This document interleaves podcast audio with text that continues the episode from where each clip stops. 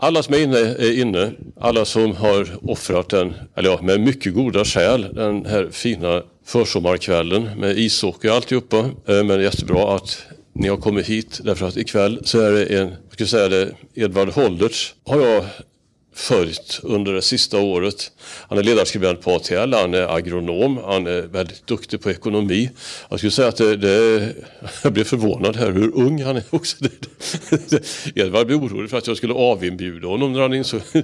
Men, men det visar ju att en del människor mognar betydligt tidigare än andra. Det, det. För, för Edvard har varit en ljuspunkt de sista åren i ATL och i Smedjan när han har skrivit om jordbruk, skogsbruk. Oerhört viktiga näringar. Näringar som är utsatta för allehanda, allehanda det kanske eh, är välment de utsätts för, men, men, som i grunden är hotade och, och, som verkligen behöver någon form av frihet, stöd och så vidare. Och som sagt, Edvard har skrivit riktigt bra om det här. Det har varit tankeväckande för mig och för många andra. Och därför så ska det vara jättekul att lyssna på vad du har att säga ikväll. Tack! Tack så mycket! Tackar, tackar. Jag, jag rodnar ju nästan när du, du beskriver mig så fint. Och så rodnar jag lite också när jag, när jag tänker på att ni har övergett den fina solen där ute och hockeyn och allt möjligt eh, och kommer hit. Och det gör mig också jätteglad. Och vilken, vilken ära också att få vara en del i den här föreläsningsserien om eh, demokrati och dess tillstånd just nu. Eh, hörs jag bra? Det är okej. Okay. Jag har lyssnat på ett par av de tidigare föredragshållarna i, i poddformatet och eh, har tyckt det varit oerhört intressant. Så som det blir när någon pratar om det som ligger dem nära. Och att få stå här ikväll, det tycker jag känns väldigt roligt på flera sätt. Dels för att jag har svårt att tänka mig ett mer angeläget ämne än det vi ska diskutera här ikväll. Nämligen relationen mellan stad och land. Det är ju en konflikt som under senare år har beskrivits som oerhört sårig. Och eh, det är ju för att det politiska intresset för de här frågorna varit så svalt. Och det, och det, här, det här är ju inte unikt för Sverige. Splittringen mellan stad och land, den har ju framträtt som en allt viktigare politisk skiljelinje runt om i hela västvärlden. Vi har ju alla hört de här berättelserna om landet som delas mellan stad och land för att politikerna inte har sett någonting annat än storstaden. Och här ikväll så tänkte jag göra tre stycken spaningar som alla har det gemensamt att de talar om varför landsbygdspolitiken och jordbrukspolitiken kommer att slå tillbaka. Jag jobbar ju på lantbrukstidningen ATL så att jag måste ju slänga in jordbruket här. Det, det får ni ha överseende med. Och så hoppas jag att ni är prenumeranter också. Den första spaningen handlar om varför landsbygden kommer att avgöra valet i höst. Den andra spaningen, och då går vi lite längre eh, framåt i tiden, bortom valet. Den handlar om hur mattillgången kan komma att påverka politiken. Och den tredje spaningen, och då går vi ännu längre bort i tiden, tioårsperioden. Den handlar om att vi i framtiden kan se helt nya hårda regleringar på landsbygden. Eh, som en, alltså, stad-land-konflikten kommer kunna utvecklas på ett väldigt spännande sätt. Men Någonting annat som gör det väldigt roligt för mig att stå just här idag är för att jag på ett personligt plan känner att jag kan få lite upprättelse. Eh, jag kan få tillbaka lite heder i stad-land-frågorna i den här delen av landet. För jag var nämligen involverad i något av en skandal i pressen för ett par veckor sedan. Och den kretsade kring eh, hissingen.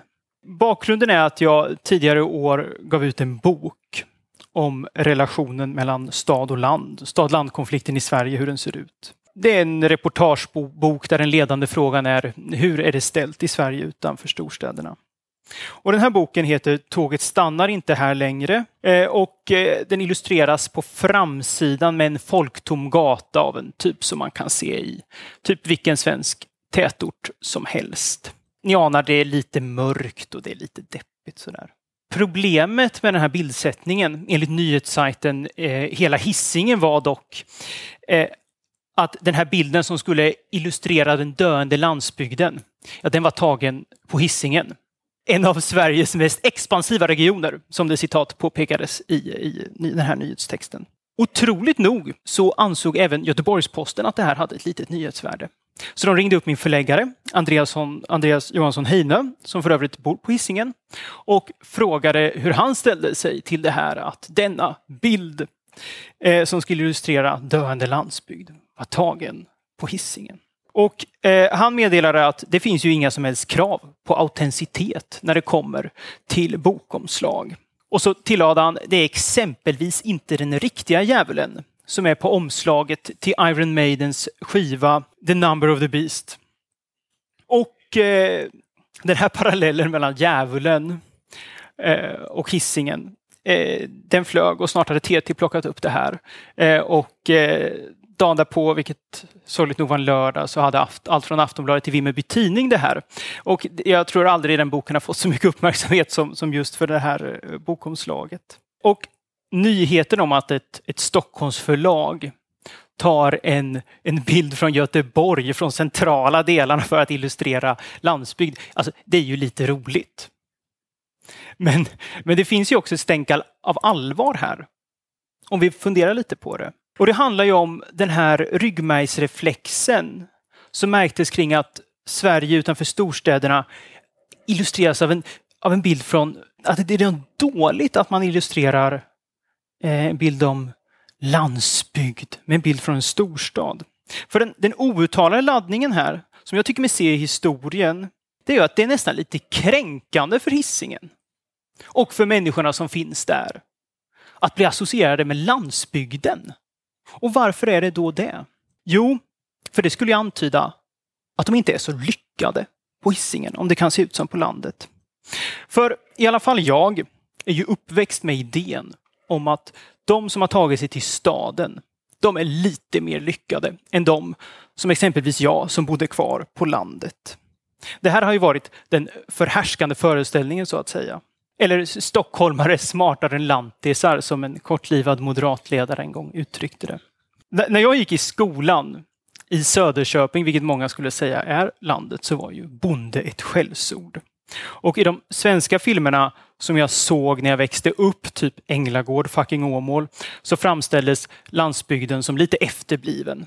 Och när jag lyssnade på, på den senaste musiken så sjöng Magnus Uggla om att det är dags att ta farväl av dödens ort för att sticka upp till stan och bli något stort.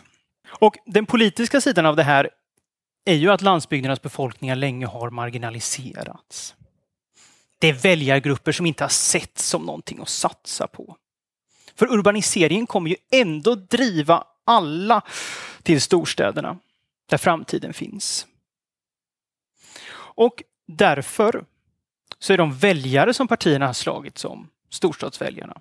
De man har sett framför sig i många val när de sitter där och taktiskt lägger upp vilka man ska satsa på är ju sjuksköterskan, den kvinnliga sjuksköterskan i storstaden. Vinner man henne, ja då är framtidens maktinnehav säkrade. Men, och det här är väldigt spännande, nu har det ändrats. Vi står alltså inför en valrörelse där landsbygdens väljare är i centrum och där frågor viktiga för dem är centrala. Och nu, nu kanske vän av ordning här kan invända att här, vi har ju faktiskt krig i Europa. Det kommer ju rimligen göra att det är säkerhetspolitik och försvarspolitiken som kommer dominera. Vem vill snacka landsbygd då? Och självklart så kommer den ryska aggressionen att påverka valet i stor omfattning. Och det kommer forma valrörelsen. Men den kommer ju handla om så mycket mer. För att den främsta politiska konflikten som uppstod efter att Ryssland gick in i Ukraina var om vi skulle gå med i NATO eller inte. Och i morse så lämnade vi in ansökan. Så att som politisk konflikt betraktad så är NATO-frågan död. Och då så kommer vi kunna diskutera helt andra saker i valet i höst. Och det här öppnar ju för landsbygdsfrågorna. Så nu kan vi bara sitta och gotta oss. Och så här, det här är inte en killgissning från min sida, att landsbygdsfrågorna kommer bli stora. Det är inget jag hittar på i stunden. Om man går till statsvetarna på Göteborgs universitet så säger de att alla partier just nu slåss om landsbygdsväljarna. Och det man märkte när, alltså och det här, det här är som vanligt, det här var sånt som rörde på sig innan Ukraina-kriget. För precis innan, i januari, februari, då började de politiska partierna i Sverige de började provprata kring vad de ville att valrörelsen skulle handla om. De testade och de lyfte de frågorna de ville ha. Och går vi igenom vad partierna sa just då, när, när valrörelseåret började märkas lite, så kunde vi se att alla la upp det för att landsbygden och även jordbrukspolitiken, det skulle få en allt större roll i valet. Och vi kan ta det här parti för parti. Eh, och vi kan börja med de som står kanske allra längst ifrån varandra i det här. Vi kan börja med Sverigedemokraterna, Vänsterpartiet. Mattias Karlsson, som beskrivs som chefsideologen i Sverigedemokraterna, återvände till politiken för att bli landsbygdspolitisk talesperson. Och i en av sina första intervjuer som han gör med Svenska Dagbladet så meddelar han att jag tror att landsbygden kan avgöra valet. Och väntar vi bara några, någon vecka senare så håller Vänsterpartiet kongress och då har partiledningen lagt fram ett förslag som säger att i valet, då ska vi satsa på landsbygdsväljare, på de i bruksorterna, de utanför storstäderna. Och så här fortsätter det. Kristdemokraterna exempelvis. Vad gjorde Ebba Busch Thor när eh, valåret inleddes? Jo, den första symboliskt viktiga resan gick till spenaten. Hon åkte ut till Vikbolandet i Östergötland, ställde sig utanför en nedlagd mack och eh, lanserade att de skulle satsa stort på landsbygdspolitiken och så sa hon att de citat skulle tala med företagare och lantbrukare. Slutcitat. Och så här fortsätter det bara. Centerpartiet, de diskuterar ju mer jordbruks och landsbygdspolitik än de någonsin har gjort under Annie Lööfs. Och det är ju för att de är stressade. För att de måste profilera sig i de här frågorna eftersom fler vill ta väljare, delar av deras klassiska väljargrupper utanför storstäderna. Socialdemokraterna å sin sida, ja de har gjort en tvärvändning i sitt förhållningssätt till landsbygdspolitik. Stefan Löfven började sin karriär som statsminister med att i regeringsförklaringen förklara att landsbygdsdepartementet, det var ett minne blott. Och det sista han gjorde i sin sista regeringsombildning, det var att ta bort landsbygdsministern. Nu, under Magdalena Andersson, har vi en landsbygdsminister igen. Som verkar ha ett mandat och som faktiskt är intresserad av sitt jobb. Vilket man kanske inte alltid kunde säga om de som var tidigare. I alla fall inte den innan. Moderaterna, de är jättehårt inne i jordbruks och landsbygdsfrågorna. Särskilt var de det för ett år sedan. Nu kan man diskutera om de har lämnat över lite till KD, något typ av taktiskt överlämnande. Och nu har vi ju nästan bränt av alla partier, så då är det lika bra vi tar alla. Liberalerna återstår. Och där kan vi snacka om väldig vändning. På riksplanet har man varit Eh, saknat i stort sett politikutveckling inom landsbygdspolitiken. Haft en väldigt låg profil, närmast legat eh, nära Miljöpartiet. Nu har man satsat hårt på det här, tillsatt en talesperson och värvat Lotta Gröning. En av landets mest profilerade skribenter på det här området och eh, som ställer upp i riksdagsvalet för Liberalerna. Miljöpartiet, ja, det är det enda partiet som återstår nu och de är ju hela tiden inne i de här frågorna. Särskilt som huvudmotståndare till Moderaterna, KD och SD kring det här. Och nu är det ju en fråga som hänger i luften. Varför gör de det här? Vad är det som har hänt? Varför går vi från att ha haft ett politikområde som varit totalt ointressant tidigare till att det är i politikens centrum? Och jag tror att det finns tre skäl till att svenska partier nu bryr sig mycket mer om landsbygdspolitiken. Den första den handlar om, jag har varit inne på det lite, Centerpartiets förflyttning. Statsvetarna beskriver det ju som att Centern jämfört med tidigare är ett mer urbant, nyliberalt parti idag. Som har lämnat eh, sina gamla väljargrupper på landsbygden och tilltalar ungdomar i städerna i högre grad nu. Det är en orsak. Det finns väljare att vinna här. Och val avgörs ju ofta av ett fåtal i mitten som faktiskt kan tänka sig att byta parti. Men det finns fler skäl till att partierna, alla partier gör en helt annan analys av läget. Och en är att vi kan se lite nya flyttmönster. I Sverige har vi ju tänkt att urbaniseringen är en urkraft. Att det är som Magnus Uggla sjunger. Man måste ju sticka upp till stan och bli något stort och så blir man kvar där. Det vi nu har kunnat se, särskilt förstärkt av coronapandemin, är att flyttlass även kan gå åt andra hållet. Även innan coronapandemin så noterar man negativa flyttnetton från de tre storstäderna och tendensen är att det är par i familjebildande ålder som flyttar allt längre bort. Det är inte de klassiska kranskommunerna längre utan man flyttar allt längre bort. Och det här har såklart förstärkts av att man kan jobba på distans och att man ser att fler kan göra det också. Det finns också en dragning till möjligen något annat typ av liv. Man vill ha en trädgård att odla.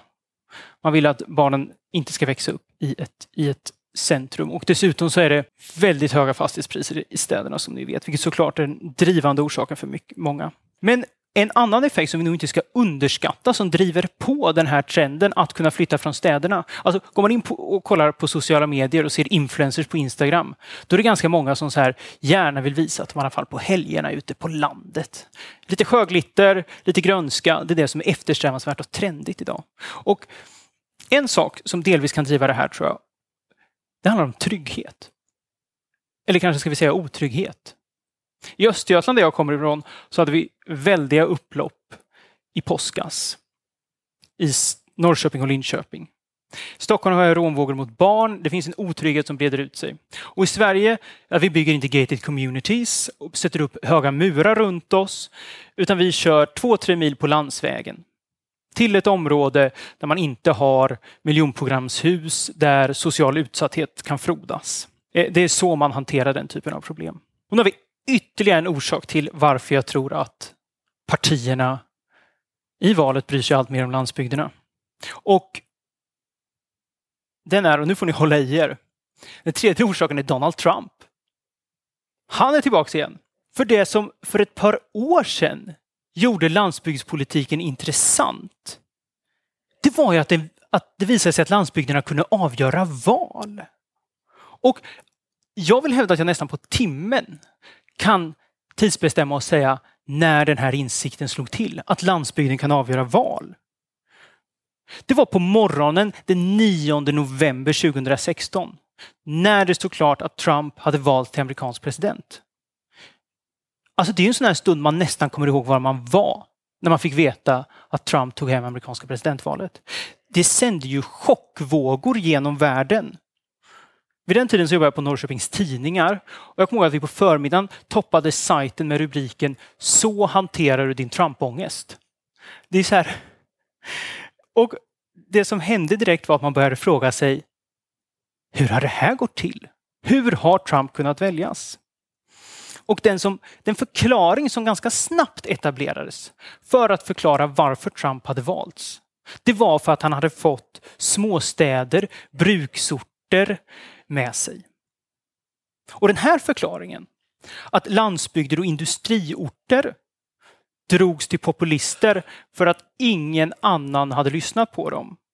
Den användes ju också för att beskriva varför Storbritannien hade valt att gå ur EU och varför Marine Le Pen skördat framgångar i franska val.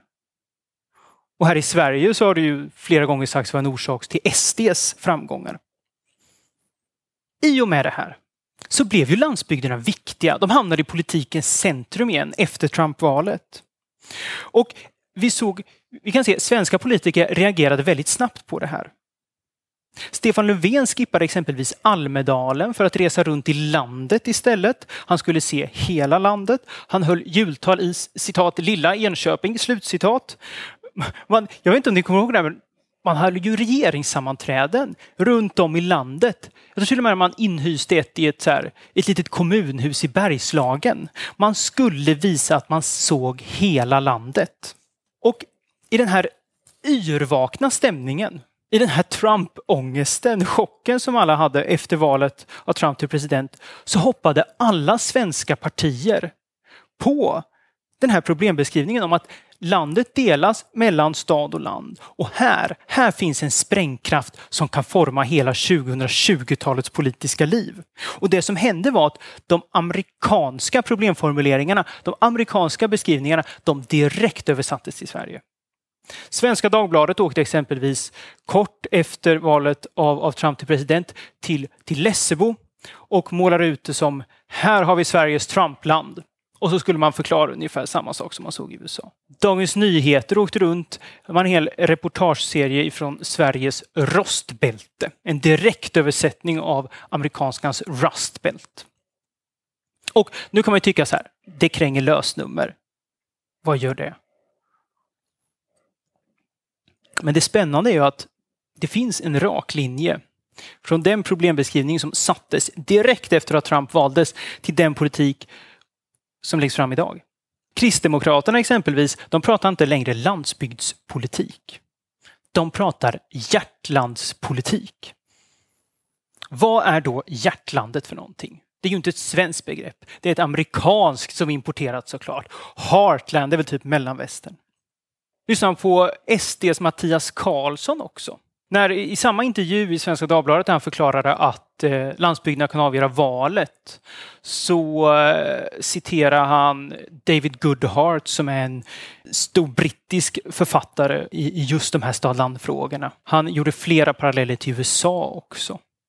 Och lyssnade vi så här på reaktionerna i Sverige av franska presidentvalet häromsistens så hör vi ju återigen det här återupprepas att så här, vi står mot progressiva städer och landsbygder där folk är lite efter. Men summa summarum, vi är alltså sedan 2016 väldigt starkt influerade i Sverige av amerikanskt och anglosaxiskt tänkande kring hur situationen är utanför storstäderna i Sverige. Det finns alltså en väl förankrad idé idag i Sverige att det finns rostbälten och döda industristäder i Sverige precis som i USA. Och vi tänker oss att hillbillykulturen finns utbredd även här. Det uppstod ett tag ett begrepp som växte sig väldigt stort som kallades banjohöger exempelvis. Det är också en så här, bär väldigt tydliga amerikanska influenser. Och det som händer är att så här, när svenska politiska strateger ska ägna sig åt landsbygdspolitik, ja då läser man David Goodhart exempelvis, en brittisk bok som beskriver de här konflikterna. Eller så läser man amerikanska böcker om upproriska landsbygder och döende industristäder för att begripa sig på situationen i Sverige. Problemet är ju bara att de här importerade berättelserna om Trumplandet, de funkar ju inte i Sverige. För den som åker till valfri svensk bruksort kommer ju mötas av problem såklart. Men man kommer också mötas av framgångsrika företag, för bruket finns ju kvar. Det finns på många ställen ett otroligt värdeskapande och en otrolig framåtanda. Däremot så anställer ju bruket långt färre än förr. Vi har ett överdimensionerat bostadsbestånd från rekordåren. Och de offentliga verksamheterna på orterna kan ju krisa. Men ska vi summera den här tredje orsaken till att de svenska partierna bryr sig mer om landsbygden så är det ju att det har blivit viktigare efter Trumpvalet och Brexitomröstningen. Och det verkar de ta höjd för ganska tydligt i sin planering att landsbygden kan avgöra val. Tyvärr gör ju dock det här att man kan hamna fel. Och det är jag lite rädd för. Jag har ägnat eh, ett antal år åt att klaga på att partierna ägnar sig för lite åt landsbygderna och nu säger jag att nu gör de det på fel sätt istället. Eh, men idén om att det är samma konflikter och samma förutsättningar i Storbritannien och USA som i Sverige är problematisk. Det riskerar i allra värsta fall att leda till att vissa frågor överdrivs. Det blir kulturkrigskonflikter kring det som kommer handla om vapen, typ utsläppstunga bilar och rätten att bli lämnad i fred på landet. När det vi själva verket skulle behöva är kanske en diskussion om fördelningspolitiska misslyckanden på landsbygden och för högt skatte, skattetryck. Alltså, för att summera det. I valet i höst kan landsbygdsväljarna bli avgörande om vi lyssnar på politikerna. Jag har dock lovat två spaningar till som jag ska lite kort slänga ihop. Och det är en på medellång sikt och en på längre sikt. Och det, det jag tror kommer att ske efter valet i höst, det är att jordbrukspolitiken kommer bli allt viktigare. Orsaken till det är att det finns väldigt goda skäl att fundera över hur vi säkrar tillgången på mat i Sverige och globalt. Ukraina är en av världens stora exportörer av mat och Ryssland är en annan. Och nu är de i krig med varandra. Och vissa länder ser ut att drabbas särskilt hårt av det här. Stigande livsmedelspriser och brist på vissa livsmedel, det märks ju redan, har vi länge hört nu, i Mellanöstern och Nordafrika.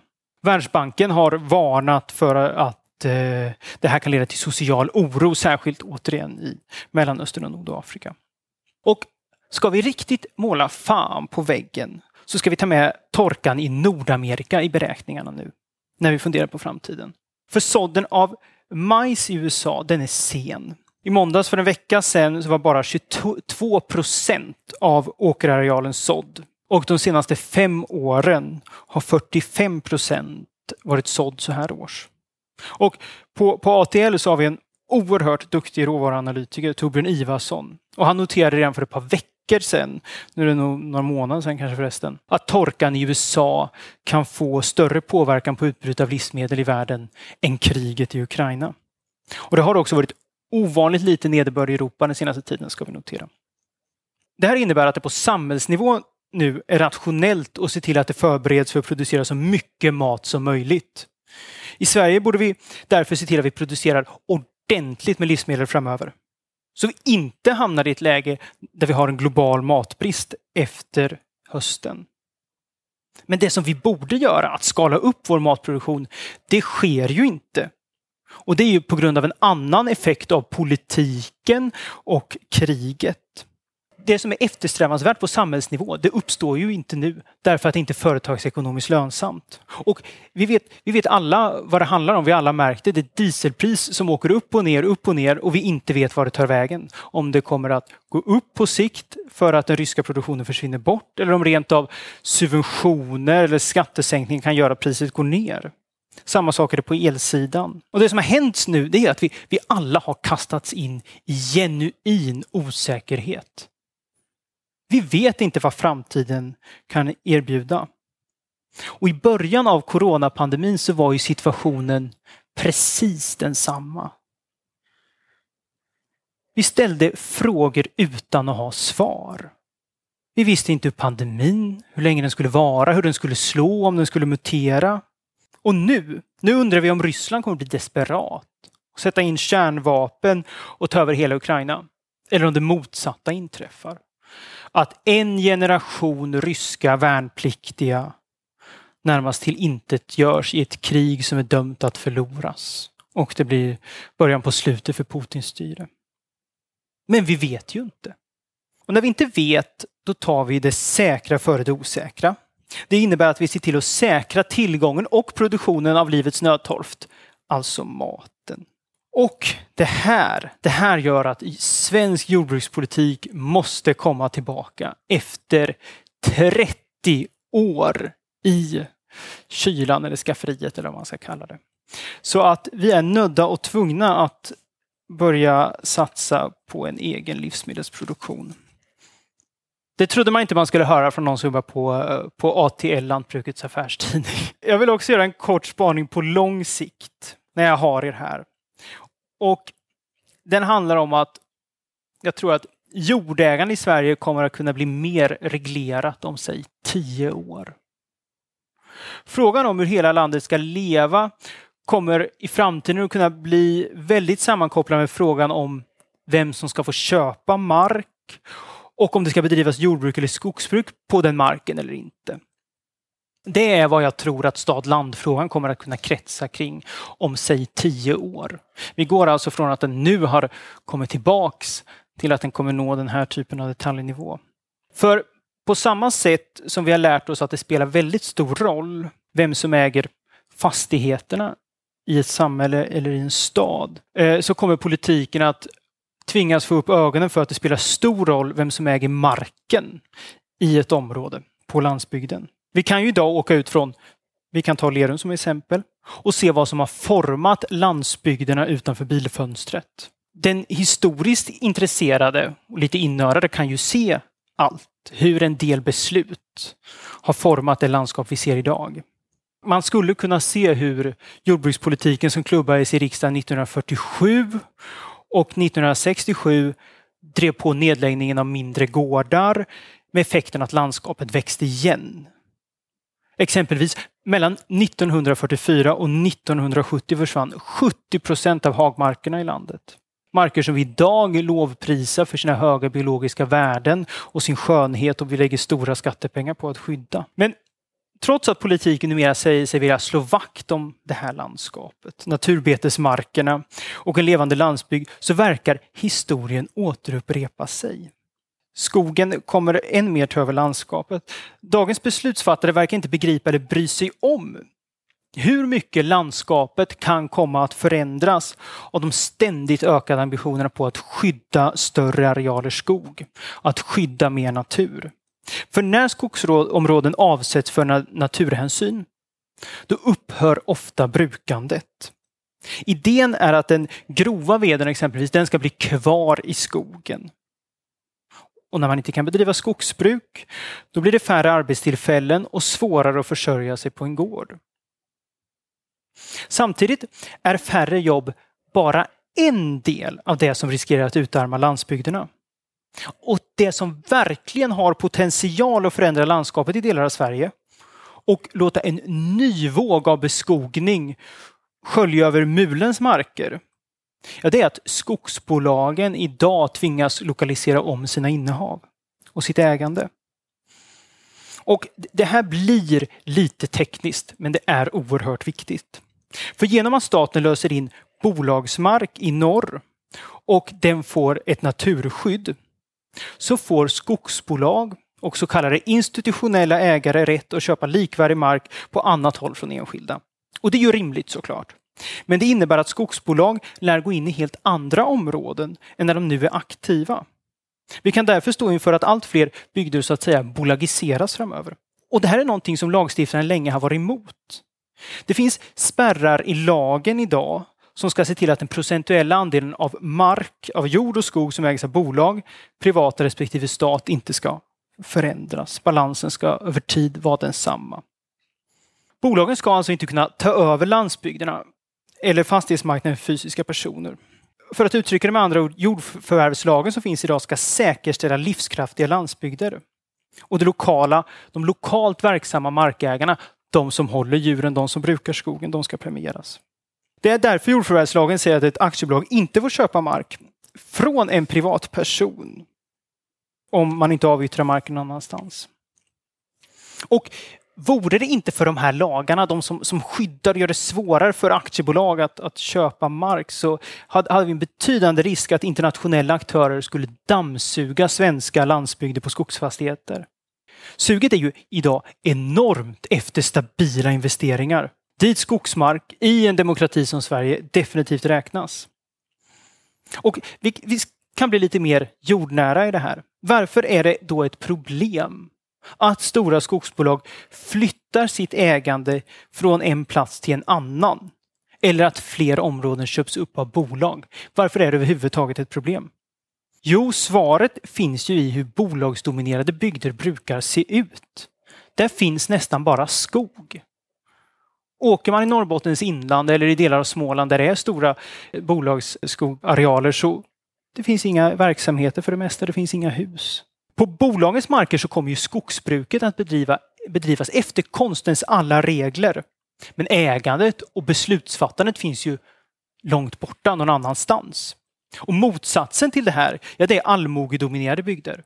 Där det finns många aktiva brukare som äger och vårdar sin gård och sin jord och skog. Där skapas arbetstillfällen på gårdarna och underlag för samhällsservice, skola, affär, omsorg. Och där finns också ägare i allmogebygderna, ägare av kött och blod som har idéer för platsen som de verkar på. I allmogens bygder lever en initiativkraft för platsen som ett bolag som har ett par hundratusen hektar aldrig någonsin kommer kunna ha. I skogsbolagens land, där ska vi producera skog. Och det bygger det svenska välståndet, men inte ett livskraftigt lokalsamhälle. Och i och med de ökade ambitionerna från stat och politik om att skydda, det pratas mot uppemot en halv miljon hektar skog i nordvästra Sverige, kan vi få en kolossal omflyttning av bolagsskogar. Och det är redan på gång. Vi ser det här hända. Och resultatet blir att bolagen säljer skogar i de typiskt bolagsdominerade områdena i norr, där vi vet att inte så mycket händer. Och sen så flyttar man det söderut. Till kusterna, nära industrin eller till södra Sverige där det växer bra och också finns nära industrin. Ja, typ Allingsås kanske. Bolagen kan ju också betala väldigt bra för de här markerna. Så att de här bygderna är systemet närmast riggat för bolagen ska söka sig till. Och det är bondebygder. Och där finns ju en del av de här hagmarkerna den 30 procent som blev kvar. Och där finns den levande landsbygden som alla säger att man ska värna. Och där, där tror jag också den stora konflikten i framtidens landsbygdspolitik finns. I de bondebygderna, i de, vid de hagmarkerna. Och jag ska avsluta nu. Jag har en minut kvar innan jag ska vara, eh, lämna över till frågor. Och så för att summera mitt budskap här idag. Om vi tittar på kort sikt. Om vi kollar på valet. Då kan landsbygden avgöra det. Landsbygdsväljarna kommer i vart fall vara centrala för de flesta partierna. Blickar vi bortom valet då kommer matfrågorna kunna slå tillbaka. Inte bara landsbygdspolitiken kommer tillbaka utan även jordbrukspolitiken. Det politikområde som ansågs vara totalt nedgrävt och begravet. Och om tio år, då kommer vi se att det som nu händer, att landsbygdspolitiken har återuppstått, då kommer vi se en helt annan debatt som kommer vara mycket mer konfliktfylld med svåra eh, konfliktlinjer, höger-vänster-frågor. Och det kommer stå mycket kring vem som kan äga mark i ett område och vem som ska få bruka det och hur det ska brukas. Vi kan alltså förvänta oss en otrolig förändring av stad-land-debatten under de kommande åren. Och det tycker jag är otroligt spännande. Då måste man teckna en prenumeration på ATL för att hänga med i allt det här. Och jag har jättebra rabatt om de vill ha sen också. Så att... Ja, det är bra.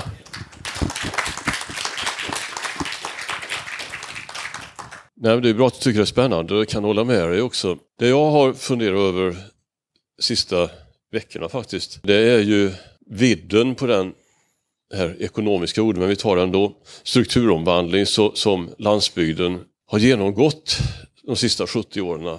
Jag, jag råkade leta fram siffrorna och det visar sig att 1950, för 70 år sedan, så, så fanns det 500 000 män sysselsatta i jordbruk i Sverige och, och 300 000 kvinnor.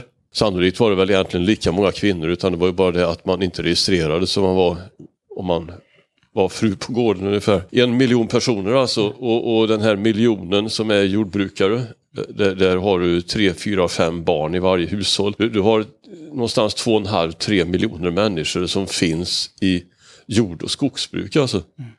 Och, och sen när man tittar på siffrorna, det, det, går ju så ruskigt snabbt ner. Alltså när du, du pratar om hagmarken och det går lika fort ner med sysselsatta också. Och, och framåt 1970 uppstår ju frågan, och det är väl den frågan egentligen, hur vinner du landsbygden idag? Har du något bra svar på vad, vad hände med, för det här var ju en meningsfull sysselsättning naturligtvis. Och, och den försvinner i många fall. Vad, vad hände? Ja. Jag, jag, jag, tror att så här, dels vill jag bara tillägga, alltså det, det, det, är ju hemskt att se egentligen, alltså hur, hur långt distansen har kommit till, till jord och skogsbruk i Sverige idag. Man måste ju söka sig till, till Ukraina eller längre bort för att hitta arbetskraft som har en närhet till de agrala näringarna som kan plantera skog eller jobba i jordbruket och så. så att det, men alltså, man går ju ofta till sig själv i sådana här fall. Och jag tillhör en generation som, vi har någonstans i det kollektiva minnet berättelsen om vad som var en gång, var man kom ifrån. I alla fall i Stockholm, nu bor jag lyckligtvis i Östergötland, men i Stockholm när jag pratar med många så är ju alla inflyttade. Man har ju en, man har ju en berättelse om att man kom någonstans ifrån egentligen. Och den där tanken tror jag många har gått och så här burit på. Och nu så ser man hur fastighetspriserna drar iväg. Man ser att man kan jobba hemma, i alla fall vissa grupper och så. Och så börjar man fundera på varför gör man vissa saker. Och alltså den gröna våg som nu kommer, den tror jag är lite laddad. Man, man, man kommer inte på ett kvalificerat sätt kunna driva jordbruk, men det finns idag en dragning till att odla, till att, till att odla sin trädgård, till att ha, ha en plats, alltså ganska klassiskt borgerliga grejer egentligen om vi ska ladda det eh, politiskt. Och en utmaning är ju så här, eh, som problem heter på politikerspråk numera. Hur kan man, hur kan man omvända den här, den här uppenbara viljan som finns hos många att vara närmare naturen, arbeta med den, förstå den, till att vilja jobba i jord och skogsbruk. Och den som det visste skulle nog kunna tjäna väldigt bra med pengar. Det, det, det har du alldeles rätt i. Men, men lite grann så återstår frågan alltså därför att här har du en, det är nog den mest kraftfulla strukturomvandlingen som du har i Sverige egentligen. För den går snabbare än den vi har i industrin i Bergslagen och så vidare. Du går ifrån en miljon sysselsatta till, till att det är Alltså det är inte mer än 300 000 kvar 1970. Men orterna minskar inte alls så mycket. Och, och vad... vad... Alltså, ja. jag, jag, tror att det, det, finns två saker, två stycken game changers som är helt oväntade i den här nya osäkra världen som vi har. Det ena är att vi har, vi har de facto fått in väldigt oväntat väldigt mycket arbetskraft i landet som kan de här frågorna nu, i och med de som kommer från Ukraina. Och sen får vi se hur länge de blir kvar och så vidare. Men, men, men det, är ju, det är ju en sak som kan påverka. Och nästa grej som, som kan förändra allting, det är ju att totalförsvaret har kommit tillbaka. Att man, alltså, totalförsvarsrastret läggs på allting. Och det här ändrar ju logiken fullkomligt för svenskt jordbruk. Och skulle jag jobba på något av de stora livsmedelsföretagen idag så skulle jag vara lite orolig. För att det vi alltså har haft är ju att Idén har varit att vi ska ständigt slå ihop alla gårdar, vi ska slå ihop mejerier, det ska bli några stora enheter. Men det här gör ju systemet oerhört sårbart. Tidigare har det ju aldrig varit problem att tio små gårdar har blivit till en. Det har ju varit något önskvärt. Idag så är det här helt plötsligt ett problem. För det gör kedjan oerhört sårbar.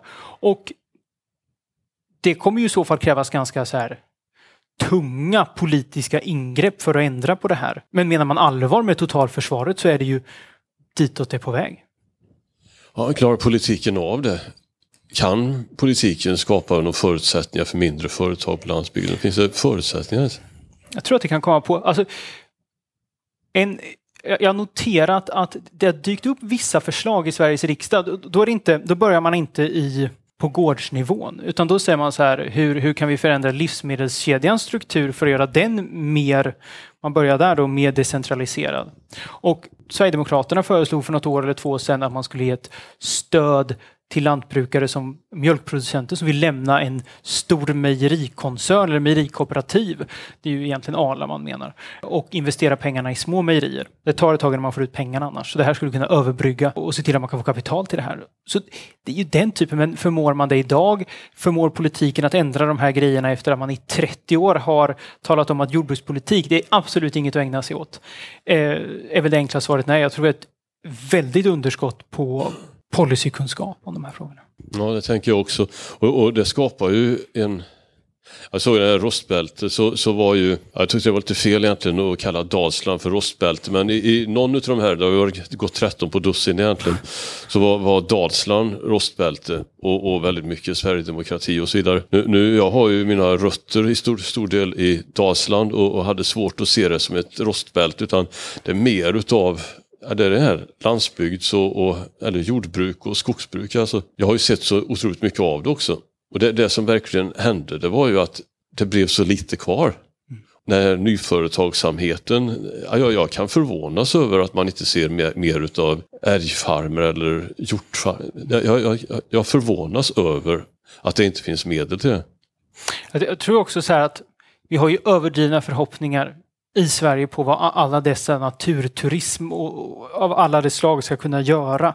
Vi, vi importerar ju den europeiska berättelsen om vad som är möjligt att använda skogen till och så ska vi applicera dem på Sverige. Men man kan göra helt andra saker i Tyskland än vad man kan göra i Sverige eh, av ganska uppenbara skäl. Men om man ska vara lite hoppfull med företagandet på landsbygden. Det är ju helt otroligt. De företagarna som har valt att satsa på svenskt lantbruk idag. De är ju så kostnadsmedvetna. De måste ju vara så i framkant med teknik och det är så mycket mycket kapital som krävs. Så att så här, börjar, börjar konsumenter inse att så här, svensk mat, svensk mats största mervärde är att den är svensk. Sen EU-inträdet har vi försökt förklara att så här, det finns olika mervärden med maten, därför ska du välja svenskt. Men efter kriget i Ukraina så kan ju helt plötsligt den övergripande viktigaste grejen bli att maten är svensk. Och man går och verkligen handlar den svenska flaggan. Då kommer det kommer kunna bli en jätteförändring och lägger vi dessutom på att politiken kommer ändra lite attityd till svenskt lantbruk och, och, då talar vi inte kanske om att man ska ge mycket mer pengar för det vill inte lantbrukarna ha. Utan det man skulle önska sig det är en allvarlig politisk vilja att minska regelkrånglet. Alltså den lantbrukare idag som samlar ihop ett gäng stenar från åkern, lägger dem i en hög vid sidan av och låter dem ligga där i över ett år måste ansöka hos Länsstyrelsen om att få flytta den här stenbiotopen. Ansökan kostar någonstans mellan 1200 och 2500 kronor. Gör man inte det så utgår böter. Alltså det är på den nivån det är. Tänk om man kunde vända och säga att länsstyrelserna ska få i uppdrag att rådgiva, att rådge. Att man inte åker ut och inspekterar på gårdar, tio stycken inspektörer efter varandra, utan att man kommer ut, en person, en kontaktperson och talar om hur kan vi miljöanpassa den här verksamheten? Hur kan vi få den att bli så bra som möjligt och producera så mycket som möjligt? Då finns det en otrolig kraft tror jag. Och alltså den dragningen som många har till naturen och till att ha hästar på fritiden, det måste ju ändå visa att man, man är villig att gå in i de här näringarna man bara kan få det att gå runt. Rimligen är det så. Jag kan ju bara, bara avslutningsvis innan jag släpper in publiken. Alltså jag gillar viltkött jättemycket. Och, och jag kommer aldrig att begripa, nu kan min siffra vara gammal, men jag vet att det åtminstone tidigare var så att närmare 90 procent utav det svenska hjortköttet importerat från Nya Zeeland. Och jag, jag har aldrig kunnat förstå hur det kan komma sig att det inte finns hängd för sånt. Du kanske har ett svar? Nej, det, det, ökar ju. Det vi ser är ju att svenska konsumenter har börjat lära sig att äta viltkött. Särskilt vildsvinet sticker ut. Det var ju någonting som tidigare ansågs, det kan man inte äta, det smakar illa. Nu där har man faktiskt haft en stor satsning, även hårda regleringar som jag tror på ett sätt har varit gynnsamma. Med att allt vildsvinskött måste gå genom en godkänd vilthanteringsanläggning, kontrolleras av veterinär. Det var det dyrt, det har försvårat, men det har gjort att bara bra kött har kommit ut. Och därför har man lärt sig att hantera köttet på slakterier hos jägare och nu gillar konsumenter det hela. Men man kan ju absolut förundras ibland när man kollar statistiken. ATL rapporterade bara häromdagen om att det finns ett stort mysterium kring just vildsvinskött.